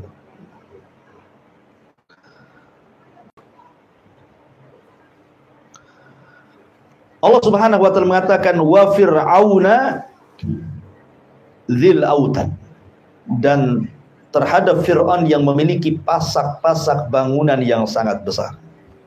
Ini sudah beralih ya kalau dua kisah sebelumnya cerita tentang bangsa Arab. Ya. Kalau ini cerita Bani Israel. Karena kenapa dipilih Firaun? Karena Firaun ini musuhnya Nabi Musa. Kenapa Nabi Musa? Karena Musa itu nabi yang paling masyhur dari nabi-nabi Bani Israel. Dialah nabi yang pertama kali mendapatkan kitab termulia di zamannya Taurat. Ya kan? Baru setelahnya Zabur, baru setelahnya Injil, baru setelahnya Al-Qur'an. Makanya dipilih kisah Nabi Musa. Ya, karena ini nabi yang paling masyhur bahkan di dalam Al-Qur'an itu kisah Nabi Musa adalah kisah terlengkap. Ya, setelah Nabi Ibrahim, kemudian Nabi Yusuf, ada beberapa nabi itu yang lengkap, tapi Nabi Musa lebih lengkap lagi. Terbanyak dalam Al-Qur'an. Seolah-olah ada kait hubungan antara Islam dengan Bani Israel. Karena banyak sekali kisah disebut dalam Al-Qur'an hampir setiap surah. Ya. Itu ketemu kisahnya Firaun atau kisahnya Nabi Musa alaihi salatu wasallam. Wa fir'auna. Maksudnya Firaun di sini siapa? Ada yang mengatakan bahwa Firaun yang ditemukan di Laut Merah itu yang jasadnya hari ini dimumikan kemudian ditaruh di Mesir dan menjadikan tempat rekreasi ya antum kalau ke Mesir antum bisa datang ke uh, tempat jasadnya Firaun ya di lab sana dan antum bisa melihat bagaimana Fir'aun masih utuh karena dimumikan. Apakah Fir'aun yang kemudian dimumikan hari ini yang ada di Museum Mesir itu adalah Fir'aun yang dimaksud dalam surah Al-Fajr? Ataukah Fir'aun yang lainnya? Karena kita tahu bahwa Fir'aun itu bukan satu. Fir'aun itu kan istilah bagi Raja Mesir. Itu disebut Fir'aun. Kalau Kisra itu istilah Raja Persia. Kalau kaisar itu istilah raja Romawi. Kalau Tuba itu istilah raja Yaman. Kalau Mesir itu istilah uh, diistilahkan dengan kalimat Fir'aun. Kalau Jawa itu diistilahkan Mengkubuwono. Kan ada istilah raja Jawa, Mengkubuwono satu, Mengkubuwono dua gitu ya. Jadi itu sebenarnya istilah-istilah raja. Ya. Lalu siapa Fir'aun di sini? Apakah betul Fir'aun yang dimumikan hari ini yang ada di Museum Mesir itu adalah Fir'aun yang masuk dalam surah Al-Fajr? Memang terjadi polemik panjang. Walaupun kebanyakan mengatakan iya, itulah Fir'aun yang dimaksud. Ya, maksudnya Ramsis Ats-Tsani. Ya. Namanya Ramsis kedua. Itulah yang ditemukan yang kemudian jasadnya sekarang menjadi mumi dan ditonton bisa dilihat. Katanya. Sekali lagi tidak kita tidak bisa menjazmkan masalahnya ya, tidak bisa memastikan. Tapi ada yang berpendapat seperti itu. Karena memang jasad Fir'aun memang dijaga untuk menjadi sebuah pelajaran bagi umat setelahnya termasuk kita. Di sini Allah mengatakan wa fir'auna, maksudnya Fir'aun di sini Fir'aun di zaman Nabi Musa. Karena di zaman Nabi Yusuf juga Fir'aun. Tapi Fir'aun di zaman Nabi Yusuf kan beriman. Tetapi yang dimaksud Fir'aun apabila diistilahkan Fir'aun dalam Al-Quran berarti kisah Nabi Musa. Karena inilah yang banyak dikisahkan dalam Al-Quran. Satu-satunya raja yang mengatakan ana rabbukumul a'la ailahun ghairi aku adalah Tuhan yang paling tinggi. Apakah ada Tuhan selainku katanya? Ya. Dengan sebab dua kata-kata inilah makanya Fir'aun diazab dua kali di dunia ditenggelamkan dan di akhirat diazab dengan azab yang sangat pedih. Baik, bagaimana kisahnya?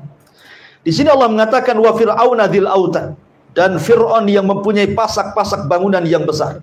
Alladzina tagaw fil bilad yang berbuat sewenang-wenang dalam negeri. Fa aktsaru fihal fasad. Lalu mereka banyak berbuat kerusakan dalam negeri tersebut. Fasabba alaihim rabbuka sautu adab. Karena itulah Tuhan menimpakan semeti adab kepada mereka. Inna rabbaka labil mirsad. Sungguh Tuhanmu benar-benar menguasai mereka. Jadi Fir'aun itu membawa kerusakan karena begini. Diawali dari mimpi Fir'aun itu mulai bejatnya itu diawali dari mimpi. Ya. Jadi dia bermimpi, dalam mimpinya dia melihat api. Api ini berasal dari perkampungan Bani Israel, kampungnya Nabi Yusuf yang sudah meninggal. Ini turunannya di situ. Ya. Jadi ada api dari Palestina menuju Mesir. Cuman perkampungan Nabi Yusuf Bani Israel itu tidak terbakar. Satu Mesir terbakar. Jadi Fir'aun heran. Ini kan mimpi buruk gitu ya. Tapi ah sambil lalu saja. Ini mungkin hanya bunga-bunga tidur. Besoknya mimpi dengan mimpi yang sama. Besoknya mimpi dengan mimpi yang sama. Terpaksalah si Fir'aun ini mengumpulkan penasehat spiritual. Ini bahasa kitanya dukun lah ya. Ya keren kali penasehat spiritual itu. Atau ahli supranatural gitu. Dikumpulkan tuh mbah-mbah dukun itu. Ya, kemudian disuruh mentakwil meramal. Ada apa ramalannya? Kok aneh kali mimpinya? Ya. Akhirnya kemudian para penasihat spiritual ini menunjukkan bahwa setiap pemimpin pejabat itu ada tuh namanya penasihat spiritual tuh. Karena di sini Firaun ada penasihat spiritual tuh. Ya, jangan-jangan tingkat RT aja ada penasihat spiritualnya. Supaya kalau pemilihan dapat lagi gitu ya. Jadi akhirnya kemudian kata tukang sihir ini pertanda kekuasaanmu akan tumbang oleh seorang bayi yang akan lahir dari perkampungan Nabi Yusuf itu, Bani Israel. Oh, ketakutan Fir'aun. Kalau begitu kita bantai saja bayi-bayi laki-laki. Akhirnya terjadi pembantaian setiap hari. Bahkan ada wanita hamil itu dilihat-lihat, ditunggu sampai melahirkan. Kalau lahir anak laki-laki bantai. Kalau lahir anak perempuan, ah biar gini di, di, di, dihidupkan. Nanti le, besok lagi ada anak laki-laki bantai. Anak perempuan, nah, biarkan dia hidup. Yudzabihuna abna'ahum wa yastahyuna nisa'ahum. Mereka mem membantai anak laki-laki dan membiarkan anak wanita. Dan begitu seterusnya setiap hari sampai berbulan-bulan bertahun-tahun. Jadi akhirnya orang-orang yang berakal Mesir mengatakan, "Ya Firaun, kita tahu bahwa kemajuan Mesir itu di tangan Bani Israel. Walaupun mereka diperbudak oleh kaum Kibti, tetapi bagaimanapun kaum Kibti itu sangat berhajat kepada Bani Israel karena mereka yang paham soal ekonomi Mesir. Mereka yang paham soal bangun jalan, bangun apa namanya? bangun bangunan yang besar, yang megah dan begitu seterusnya. Jadi Allah berikan sampai hari ini orang-orang Yahudi kan diberikan kecerdasan yang Allah tidak berikan kepada yang lainnya. Ya, tetapi kecerdasan Yahudi justru untuk menyesatkan orang. Tapi antum harus bedakan antara Bani Israel dengan Yahudi. Makanya jangan pernah negeri Israel dikatakan Israel. Kita katakan Yahudi, negeri Yahudi. Karena Israel itu diambil dari Bani Israel dan itu nama suci, nama Nabi Yakub. Ya. Makanya untuk bedakan Bani Israel itu keturunan Yakub, kalau Yahudi itu agama. Bani Israel ini ada yang baik, ada yang jahat. Nabi Yusuf Bani Israel, baik. Dan nabi-nabi dari Bani Israel banyak. Tapi kalau Yahudi itu agama, agama yang menyesatkan. Makanya kita setiap sholat berlindung dari orang Yahudi. Ghairil maghdubi alaihim waladhalin. Ya, maghdub siapa maghdub itu? Yahudi maksudnya maghdub itu. Dhalin itu artinya menasrani. Kita berlindung dari mereka. Hari-hari kita ngomong seperti itu dalam setiap sholat kita kan. Ya, ihdinas siratal mustaqim siratal ladzina an'amta alaihim ghairil maghdubi alaihim waladhdallin. Ya. Lah, ketika kemudian orang-orang yang berakal mengatakan janganlah seperti itu. Nanti kalau habis turunan mereka, bapak-bapak mereka mati, siapa yang akan melanjutkan pembangunan Mesir ini? Ya. Biarkanlah buat kebijakan lain. Satu tahun bantai, satu tahun jangan. Satu tahun bantai, satu tahun jangan. Kayak Pasal Daud gitu ya. Jadi akhirnya kemudian sepakat Fir'aun tahun ini pembunuhan bayi. Pokoknya kalau dalam tahun ini ada lahir anak laki-laki bantai. Tahun depannya walaupun lahir anak laki-laki jangan dibantai. Biarkan dia hidup. Dibuat selang-seling seperti itu. Di hari atau di tahun ketidak ada pembantaian lahir pula Nabi Allah Harun. Selamat dia. Ya kan? Tidak dibantai. Karena apa? Lahir di tahun tidak ada pembantaian. Ya. Di tahun ada pembantaian lahir pula Musa. Adiknya. Maka ibunya takut. Karena ketika itu suaminya sudah meninggal. Sehingga bagaimana harus merawat satu anak laki-laki, tidak ada laki-laki, tidak ada suami yang bisa membelanya. Akhirnya ibunya Musa ketakutan, makanya Allah ilhamkan kepada Ummi Musa an alqi untuk dilempar bayi itu, letakkan di kotak. Maka diletakkan di kotak dikasih tali. Jadi waktunya nyusu ditarik, kasih susu. Habis itu dibiarkan lagi. Allah takdirkan talinya putus. Akhirnya mengapunglah di sungai Nil. Kembali ke cerita istana Fir'aun. Salah Fir'aun itu tidak punya anak laki-laki, semua anak perempuan. Satu anak perempuan yang kesayangan Fir'aun itu sakit-sakitan. Sudah berusaha ya ke dukun sana, dukun sini, tidak bisa mengobati ya namanya dukun. Dukun itu pen, apa namanya kalau tidak istilahnya pesulap kalau tidak pendusta cabul katanya. kan gitu ya. ya. Pak dukunnya bilang itu oknum gitu. Ya, mungkin oknum kan gitu ya. Tapi yang jelas bahwa tidak ada yang bisa mengobati. Rupanya ada seorang peramal mengatakan anak ini akan sembuh kalau diusap oleh kotak yang pertama kali ngapung di sungai Nil. Ceritanya begitu. Ini kisah Israiliyat. Akhirnya setiap harilah istri Fir'aun Asia bintu Muzahim itu memandang-mandailah, memandang-mandang sungai Nil. Ya, kapan ada kotak, kapan ada kotak itu. Eh, suatu hari nampak pula kotak itu. Yang di situ ada bayinya Musa. Maka istrinya Fir'aun Asia bintu Muzahim memerintahkan pengawalnya untuk mengambil kotak itu. Pas ketemu isinya bayi. Allah ilhamkan ke dada istrinya Fir'aun langsung cinta kepada bayi itu. Karena dia nggak punya anak lagi masalahnya. Ketika melihat bayi itu langsung senang. Apalagi cakep bayinya. Ketika Fir'aun datang, hampir dibunuhnya bayi itu. Karena takut jangan-jangan ini anaknya Bani Israel nih. Ya, nampak muka-mukanya Bani Israel katanya. Akhirnya kemudian kata istrinya Fir'aun, jangan. Saya sudah suka dengan dia. Mudah-mudahan dia menjadi qurratu ainin li walak katanya. Mudah-mudahan bayi ini akan menjadi penyejuk mataku dan matamu. Kata Fir'aun, matamu saja, mataku tidak katanya. ya, kalau Fir'aun mengatakan iya, tentu Fir'aun akan beriman. Ya kan? Tapi ketika Fir'aun mengatakan, ah, itu penyejuk matamu saja, tidak mataku. Nah, dari situlah maka Musa itulah yang dimaksud yang kelak akan menumbangkan kekuasaannya. Ya. Akhirnya dibesarkanlah Musa di istana Firaun. Ketika dia sudah menginjak dewasa, ya sudah hidup di istana Firaun diberikan pendidikan macam-macam di situ kan. Jalan-jalanlah Musa ini ke ganggang kota Mesir. Rupanya pula dia melihat ada perkelahian anak muda dari Bani Israel dan anak muda dari kaumnya Firaun. Awalnya tidak tahu siapa yang salah, tapi diperhatikan nampaknya yang didolimi adalah anak muda dari Bani Israel. Ketika kemudian anak muda Bani Israel meminta pertolongan kepada Musa, Musa pun menolongnya. Ada yang mengatakan Musa itu tidak menyerang. Yang menyerang itu anak muda dari kaum Kipti. Musa hanya nangkis saja, tapi tangkisannya bisa membuat orang mati. Tapi ada juga mengatakan dia mukul, tapi tidak sengaja, bukan untuk membunuhnya.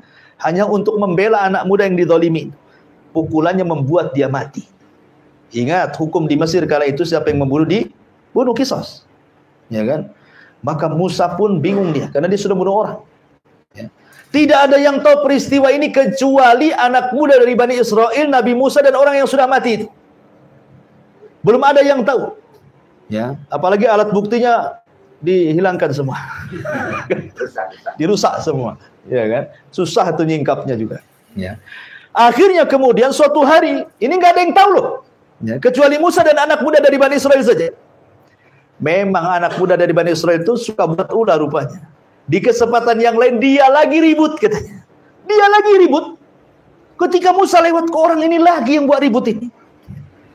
Akhirnya ketika anak Bani Israel ini melihat Nabi Musa ketakutan. Karena dia tahu sekali pukul mati. gitu. Jangan-jangan dia dekat akan mukul saya. Ya, padahal Musa itu kan memastikan siapa yang salah, siapa yang benar gitu ya. Tapi anak muda ini sudah takut duluan ketika Musa menghadap dia. Akhirnya sebelum dia dipukul Nabi Musa, dia dia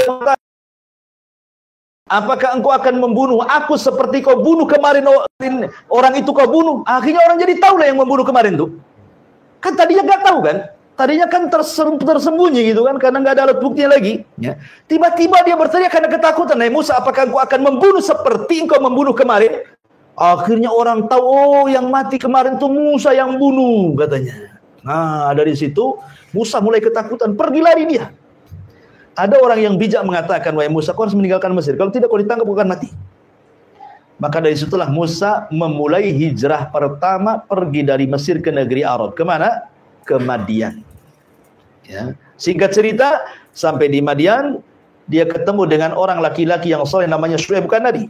Ya, cuma namanya sama Syuaib punya dua anak putri. Menikahlah Musa dengan salah satunya karena sudah berjasa mengambilkan air yang kemudian membantu mertuanya menggembala kambing sampai punya istri, punya anak banyak. Setelah 10 tahun, Musa pun ingin kembali ke Mesir. Berangkatlah Musa ke Mesir. Di tengah jalan, kemudian Musa alaihi salatu wassalam nyasar. Ini karena udah 10 tahun kan, mungkin lupa jalannya dia. Tengah malam, obor pun sudah padam, ya. Dia takut ada terjadi apa-apa dengan anak istrinya, maka tiba-tiba di tengah malam dia melihat ada cahaya dari kejauhan. Dia mengatakan sama istrinya, "Kamu tinggal di sini. Saya akan ke sana. Boleh jadi saya akan mengambil satu api yang bisa kita melanjutkan perjalanan atau mungkin di sana ada orang yang bisa menunjukkan jalan ke Mesir. Akhirnya kemudian Nabi Musa pun meninggalkan keluarganya dan menghampiri api yang dilihat dari jarak jauh itu. Semakin dekat semakin besar, semakin dekat semakin besar. Rupanya setelah dekat bukan api tapi cahaya. Ya. Disangkanya api setelah dekat cahaya. Rupanya cahaya itu seperti api berada di pohon zaitun. Dari sini menjadi khilaf para ulama. Ketika Allah Subhanahu wa taala berfirman dalam surah An-Nazi'at itu, ya, uh, wa nadahu rabbuhu bil wadil muqaddasi tuwa. Ya. Kan di sini kan muqaddasi tuwa. Lembah yang disucikan di bukit tua. Maksudnya tua di sini apa? Ada yang mengatakan Bukit Saina. Maknanya, mau sebenarnya Musa sudah sampai Mesir. Karena Bukit Saina kan di Mesir. Ya. Artinya sudah dekat dengan Mesir. Ada juga yang mengatakan bukit tua di sini bukan Mesir, maksudnya adalah bukit Zaitun yang ada di Palestina. Karena bahasanya muqaddas diberkahi ya, negeri yang diberkahi maksudnya Palestina. Ya, jadi ada yang mengatakan Musa masih di Palestina sebenarnya. Tapi ada penafsiran mengatakan sudah sampai Mesir karena ada yang mentafsirkan bukit tua itu artinya bukit Saina. Ya. Di situlah Musa pertama kali dinobatkan jadi nabi. Ketika dia sampai di api itu, eh, cahaya itu, tiba-tiba ada suara. Suara itu aneh. Terdengar dari atas, dari bawah, dari samping kiri, dari samping kanan, dari depan, dari belakang. Bingung Musa ini. Dan mengatakan, Innani ana rabbuk. Fakhla na'alaika. Ya. Sesungguhnya saya Rabbu, wahai Musa. Lepaskan sandalmu. Ini negeri yang diberkahi. Ahli tafsir mengatakan, kenapa Musa disuruh melepas sandal? Karena sandal itu terbuat dari kulit keledai yang disamak, yang najis. Sementara negeri yang suci jangan diinjak dengan najis. Sama lah, antum masuk masjid pun sama kan? Nggak boleh antum bawa najis. Bahkan Nabi SAW pernah sholat bersama para sahabat, tiba-tiba sandalnya dibuka, sahabat-sahabat pula ikut buka sandal. Habis sholat Rasul mengatakan, eh kenapa kalian ikut-ikut lepas sandal? Kata sahabat, kami melihat anda lepas sandal. Ya kami juga lepas katanya. Boleh jadi ada turun wahyu kepadamu kata Rasul bukan. Tadi waktu sholat Jibril datang memberitahu sandalku ada najisnya, makanya aku lepas. Apa di sandal-sandal akan ada najis katanya. Artinya bahwa masuk masjid saja karena masjid disucikan tidak boleh kita bawa najis gitu. Maka begitu juga Musa untuk dilepas. Kemudian Allah Subhanahu wa taala berdialog dengan Musa, di sinilah disematkan kalimat kalimu rahman. Musa itu Nabi yang diajak berdialog dengan Allah tanpa perantara. Maka sejak itu disematkan kalimat kalimu rahman. Ya. Lah, Musa itu kan ke mana bawa tongkat. Jadi Allah Subhanahu wa taala kemudian dibalik cahaya itu mengatakan wa ma biyaminika ya Musa. Itu di tangan kananmu apa itu? Kata Musa, ini asaya ini tongkatku ya Allah ya atawakkau fi. Aku suka menggunakan sandaran atau ahusyu ala ghanami terkadang aku untuk menggiring kambing atau ma'aribu ukhra atau yang lainnya. Ya kata Allah Subhanahu wa taala kalau begitu lemparkan tongkatmu sekarang. Ini sekarang Nabi Musa dikagetkan dengan suara Allah Subhanahu wa taala. Maka Allah ingin menampakkan kekuasaannya supaya Musa makin yakin bahwa di hadapannya lah Tuhannya Ya, makanya Allah mengatakan lempar tongkatmu yang ada di tangan wahai Musa. Dilemparlah tongkat itu tiba-tiba jadi ular besar. Musa kaget. Ya, langsung dia loncat ke belakang. Tapi Allah mengatakan la takhaf. Jangan takut. Khudha wa la takhaf. Ah, sekarang kau ambil lagi ular itu. Bingunglah Nabi Musa. Ini ngambil ular besar nih. Ya, pegang buntut matuk kepala, pegang kepala makin matuk kan itu. Mana pula ini ngambil ngambil kan? Tetapi Allah mengatakan khudha wa la takhaf. Sanu'iduha siratahal ula katanya. Ambil. Dan nanti kejadian seperti ini akan terulang lagi nanti. Ya. Akhirnya diambil ekornya tiba-tiba jadi tongkat lagi. Yang lebih mengherankan Nabi Musa karena kan Nabi Musa sedang mencari perapian untuk jalan di tengah malam kan. Kata Allah Subhanahu wa taala masukkan nih ya tanganmu ke tengah-tengah bajumu, masukkan ke sini. Nah. Kemudian keluarkan. Maka Musa dimasukkan bajunya, kemudian dikeluarkan, tiba-tiba bercahaya. Ya, apa ini? Oh, nanti, ya. Tiba-tiba bercahaya. Musa makin heran lagi kan? Berarti yakin bahwa yang dihadapannya berdialog adalah Allah Subhanahu wa taala. Maka setelah Allah berikan dua mukjizat besar berupa tongkat menjadi ulat dan tangan bercahaya, maka Allah katakan kepada Musa, "Idhhab ila Fir'aun innahu tagha." Ah, nanti kalau kau sampai di Mesir, pergi kau ke si Fir'aun. Dia raja yang zalim. Dakwai mereka, dakwai dia, ajak dia kepada tauhid. Ya. Akhirnya kemudian Musa pun sudah resmi dalam jadi nabi. Maka berangkatlah bersama keluarganya ke Mesir. Masalahnya, Musa ini ngomongnya pelat, ya, dia tidak fasih. Ya, bahasa Arab kan beda dengan bahasa kita. Kalau bahasa kita orang cadel pun masih biasa saja lah kan. Pandai banyak pejabat cadel itu ya, masih bisa dipahami. Tapi orang Arab ini bahasa Arab nggak bisa kalau tidak fasih.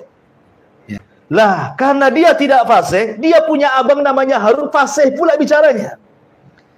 Maka dia mengatakan afsahu minni lisanan. Saya punya abang ya Rabb, dia lebih fasih lisannya dibandingkan diriku. Jadikan dia wazirku. Ya, maksudnya jadikan dia angkat dia jadi nabi. Jadi Nabi Harun diangkat jadi nabi itu karena permintaan Musa. Maka Allah kabulkan. Harun diangkat jadi nabi. Berangkatlah dua orang ini menuju istana Firaun. Diketuknya Firaun Kata Fir'aun siapa? Kata penjaga Musa. Oh Musa, ah, masuk masuk. Karena Fir'aun kenal lah siapa Musa. Namanya angkatnya. Ya. Ketika sampai di istana mulailah Musa dan juga Harun mendakwai Fir'aun mengajak kepada tauhid kepada Allah Azza wa Jalla. Fir'aun geleng-geleng kepala saja. Sudah 10 tahun hilang datang-datang kalau ngajak-ngajak kayak gini katanya. Akhirnya Fir'aun mengatakan, "Hei Musa, kau ini buronan. Ya, kau sudah membunuh orang. Kau belum dapat hukuman." Kata Musa, "Ya Fir'aun, aku membunuh satu jiwa itu pun tidak sengaja." Jiwa yang kau bunuh ribuan jiwa katanya. Siapa yang berhak dihukum katanya. Bayi-bayi yang kau bantai itu udah berapa itu katanya. Aku ini bunuh orang gak sengaja. Kau bunuh orang sengaja lagi. Ya.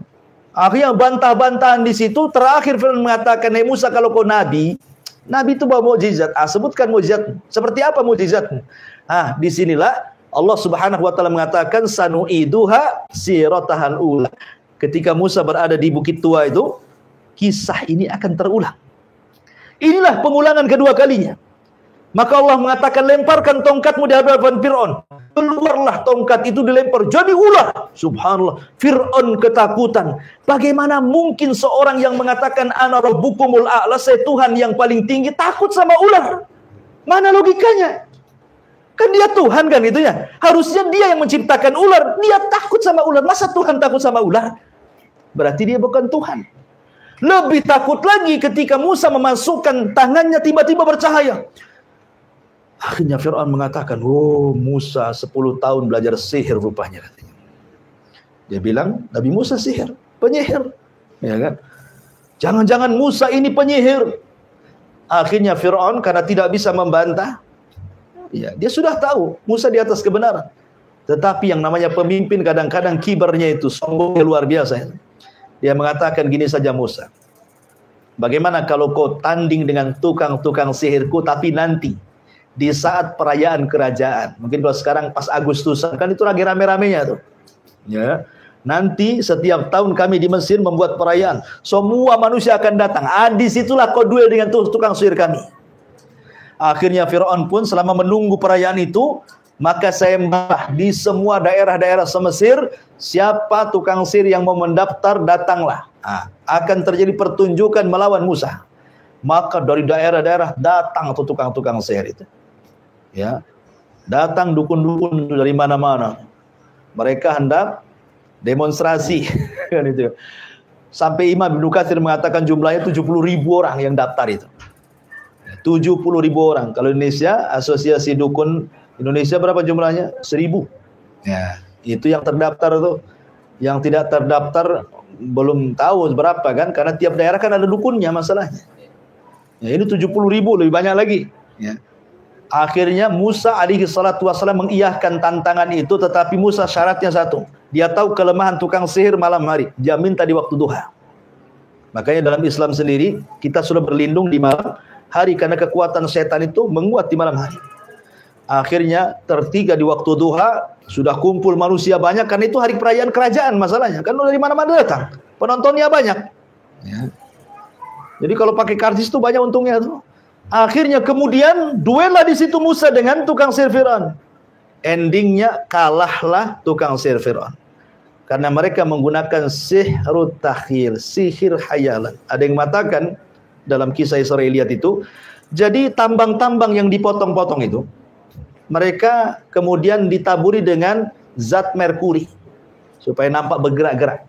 Ya. Kemudian dimantra-mantrai supaya dihayalkan itu ular. Jadi tambangnya nampak nampak bergerak-gerak kan dihayalkan kan. Ini sihir tahil namanya. Bahasa kerennya hipnotis. Ya. Jadi Musa ketakutan lah, wajar manusiawi dia ketakutan kan. Kok ular sebanyak itu kan 70 ribu tukang sihir melempar kan takut lah wajar takut dia. Tetapi Allah mengatakan la jangan takut wahai Musa. Lemparkan tongkat. Tiba-tiba ketika Musa melempar tongkatnya kata ahli tafsir jadi ular besar. Ular ini aneh, kadang mengecil, kadang membesar. Kesit ke sana kemari, memakan semua ular-ular tukang-tukang sihir itu. Ini tukang sihir komat kamit komat kamit. Ya berusaha untuk memantra-mantrai disangkanya Musa itu menggunakan sihir seperti yang mereka gunakan sihir tahil ya disangkanya mereka kalau berkomat-komat itu yang dilihat tongkat bukan ular tapi tidak bisa juga mereka sudah mengambil mambang tanah, mambang air, mambang segala semuanya sembahyang. Tetap saja kok jadi ular ini tak ada tongkat-tongkat gitu ya. Ah, ini kekuatan yang luar biasa. Ini bukan sihir, ini maha dahsyat ini. Dari situlah akhirnya 70 ribu tukang sihir sujud taubat beriman kepada Allah Azza wa Jalla. Oh Fir'aun emosi lah. Kan Fir'aun sudah menyediakan, sebelum tukang dukun datang kan tukang dukun sudah mengatakan, apakah kami dapat upah wahai Fir'aun? Ala na'ajrun, apakah kami dapat upah kalau kami mengalahkan Musa? Kata Fir'aun, siap kami sediakan upah. Bahkan engkau akan menjadi orang terdekat bagi kami, kata Fir'aun. Jadi Fir'aun itu sudah menyediakan segalanya. Tahu-tahu mereka membela. Apa enggak emosi si Fir'aun ini? Makanya Fir'aun mengatakan amantum qabla an adana lakum. Eh, berani-beraninya kalian beriman sebelum aku izinkan katanya. Iman saja harus izin sama Fir'aun. Ya, jangan semata-mata akhirnya mereka pun semua tidak ada yang murtad. Mereka diikat kemudian dibunuh dukun-dukun ini. Kemudian Abdullah bin Abbas radhiyallahu mengatakan lihat dukun-dukun itu. Di pagi hari mereka dukun yang jahat, di sore hari mereka para syuhada yang baik katanya. Mereka masuk surga dibantai oleh Fir'aun. Lah sejak peristiwa ini Fir'aun sudah tidak berani mengganggu Nabi Musa. Ada yang mengatakan Musa akhirnya tinggal di kampung Bani Israel selama 40 tahun.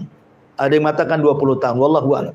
Yang jelas bahwa sudah Firaun tidak ganggu lagi. Jadi Musa ini fokus berdakwah kepada Bani Israel selama 40 tahun itu.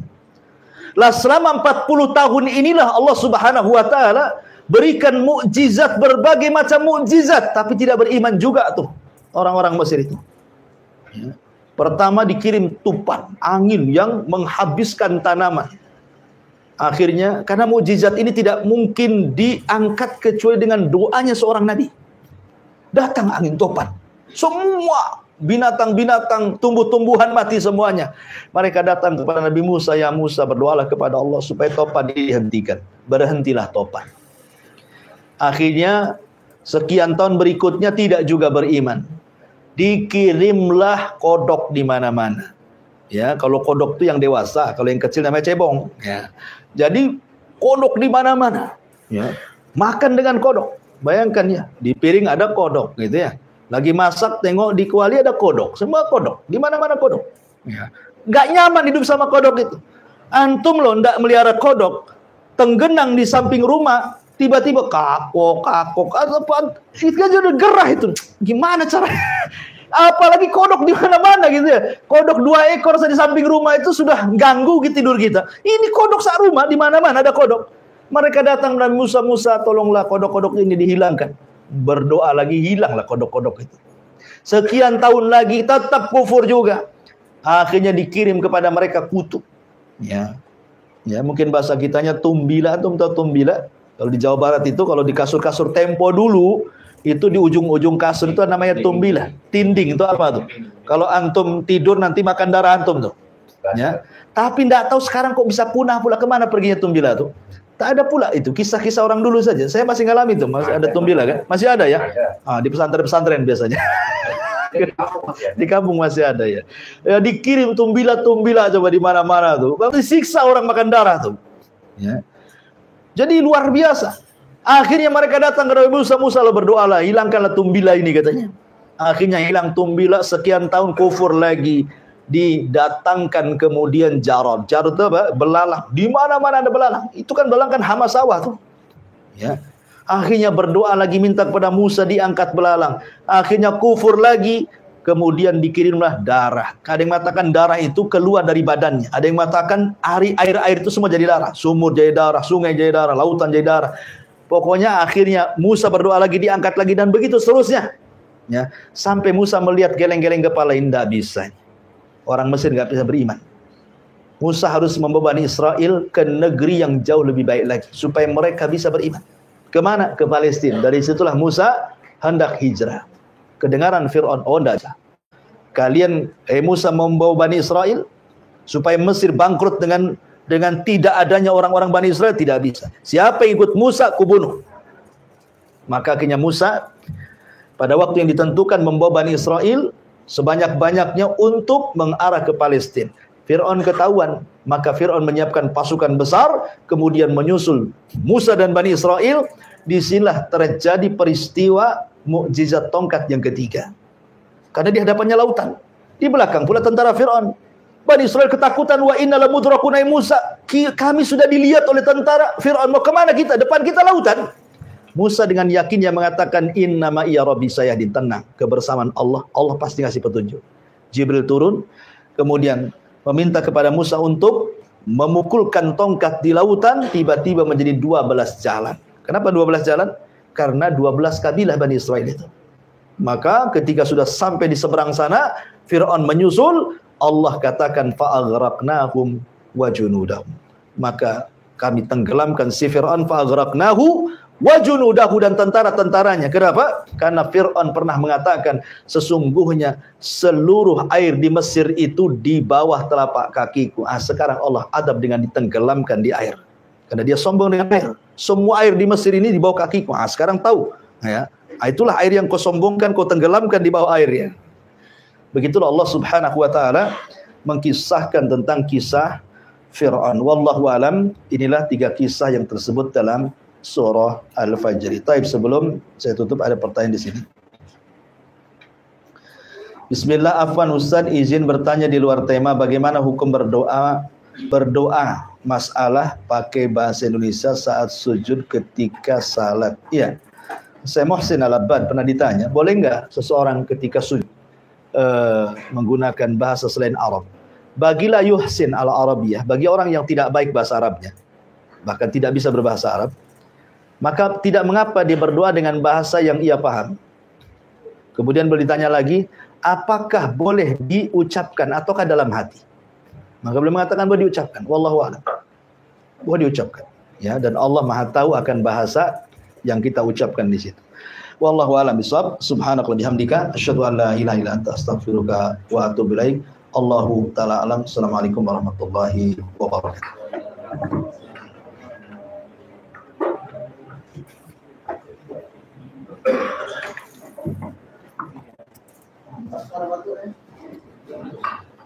Thank you. Right.